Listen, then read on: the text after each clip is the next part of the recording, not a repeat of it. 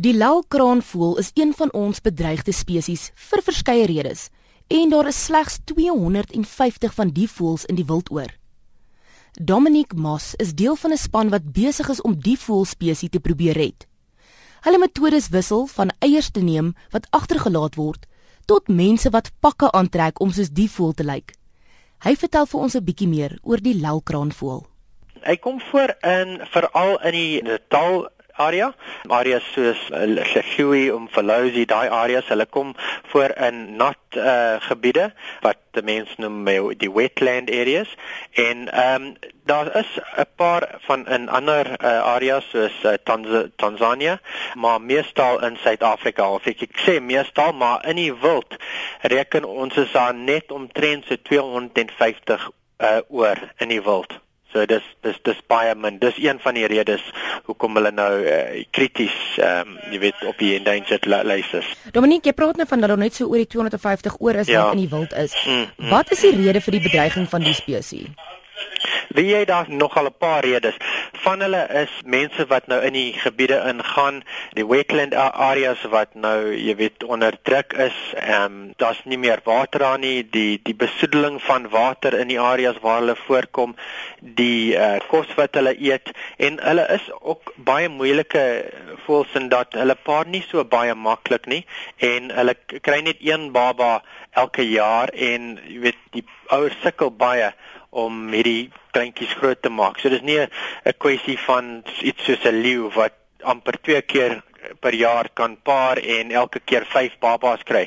Hierdie voëls kry net een baba elke jaar en uh, hulle lê twee eiers, maar net een van daai eiers sal hulle groot maak. So jy weet die die paring en die nommers om die wet uh, verhoging te kry in die nommers is is ook baie baie moeilik. Dominique, jy praat nou van die twee eiers wat soms gelê word, mm. maar net die een broei uit en word grootgemaak. Ja. Kom 'n bietjie meer daaroor. Wat is die rede vir dit? Ja, wie jy dis eintlik 'n insurance policy kan ons sê. Ehm um, dit is omtrent so 30% van die voëls lê twee eiers, maar die tweede eie is net in geval iets gebeur met die eerste een. Maar jy weet hulle lê die twee eiers, hulle hulle sit op die eiers, hulle hou hulle warm, maar sodra daai eerste een uit die eier kom, dan staan hulle op met daai eerste uh, kleintjie en hulle stap weg en hulle los die ander een net so en vrek hy daar in die eier. En dis presies waar ons nou inkom saam met die Endangered Wildlife Trust en die mense van die ehm um, Natalse ehm um, lelkraanvoël groep gaan haal hulle daai tweede eier wat sou doodgaan en hulle sit hulle gou-gou as as hy eerste uh, chick weggeloop het, sit hulle in 'n incubator en hulle dan vervoer die, die eier met per vliegtyg na ons toe, dan broei hulle uit en maak hy kleintjie groot en dis wat ons nou terugsit in die wild. So 'n 'n kleintjie wat jy weet normaalweg sou doodgaan, word nou weer teruggesit in die wild of Eh, word deel van ons broeiprogram. Met die kleintjie wat nou die eier wat jy gaan haal, die een wat ja. se dood gegaan het. Wat gaan verlore want ek weet 'n lelkraan voel, die kleintjie is heelwat afhanklik van die ma in die wild ja. en jy weet hy begin eers vlieg op 'n heelwat later ouderdom. Mm. So hoe gaan julle te werk dan om daai dier so so grootliks mm. moontlik in sy eie habitat op te Ja, dit dis redelik moeilik. Die die wat ons in die dieretuin of op ons plaas in in die Vrystaat hou vir broei uh redes, jy weet uh, hulle is alright want hulle kan mense sien en hulle kan gewoond raak aan mense ensovoorts. Maar die wat moet teruggesit word is is redelik moeilik. En ons moet 'n hele program begin om om dit reg te doen kom ons sê die mense dra eintlik 'n hele uh, suit of 'n pak. Hulle lyk amper soos 'n predikant, maar hulle dra die hele suit wat nou swart en grys en wit is, wat amper soos die voël lyk. Dit is nou maar baie groter, maar so solank as die voël nie da, die mens sien en sien, okay, dis 'n mens en dis van uh, van wie ek my kos kry.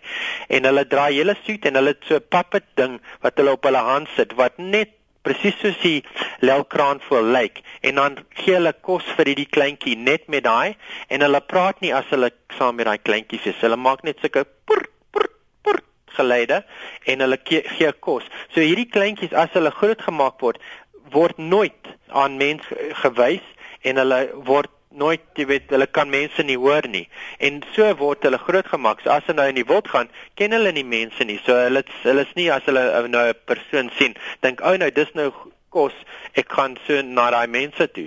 Mens kan ook net daai tot op 'n mate doen in die, die vliegproses want jy weet 'n hmm. kleintjie leer tog baie van die ma. Vertel my hoe hoe hmm. gaan julle met dit te werk? Ons het uh, mense KZN Wattle Crane Recovery Program. Hulle is nou geleë in ehm um, die Midlands in Natal en hulle doen eintlik nou hierdie werk waar hulle okkie suits dra en hulle gaan uit met hierdie kleintjies. Of of as ons nou die kleintjies soontoe vat, gaan hulle nou uitgaan met die kleintjies in die wild in en hulle stap saam met hulle met die suits en hulle jy weet hulle wys vir hulle waar is die kos en as hulle kos sien dan vat hulle die puppet na die ding toe en dan kan die kleintjies sien wat om te maak. En ook om om te leer vlieg dan hardloop hulle saam met die voëls en die voëls jy weet klap hulle vlerke en so voort en dis waar hulle nou beginne om te leer.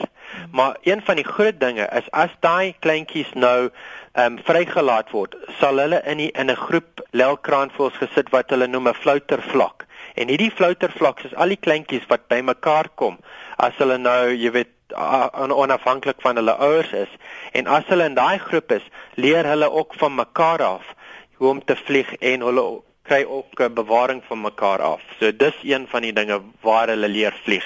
Julle het nou hierdie bewaringsproses wat julle nou besig is om die Nylkraan vol ja. te probeer die populasie half opbou. Maar wat kan die publiek doen om by te dra by hierdie proses? Definitief om betrokke te raak met ons en die mense by die KZN Wattle Crane Recovery Program, mense soos Endangered Wildlife Trust, al die ouens wat uh, betrokke is by lelkraanvul ehm um, bewaring.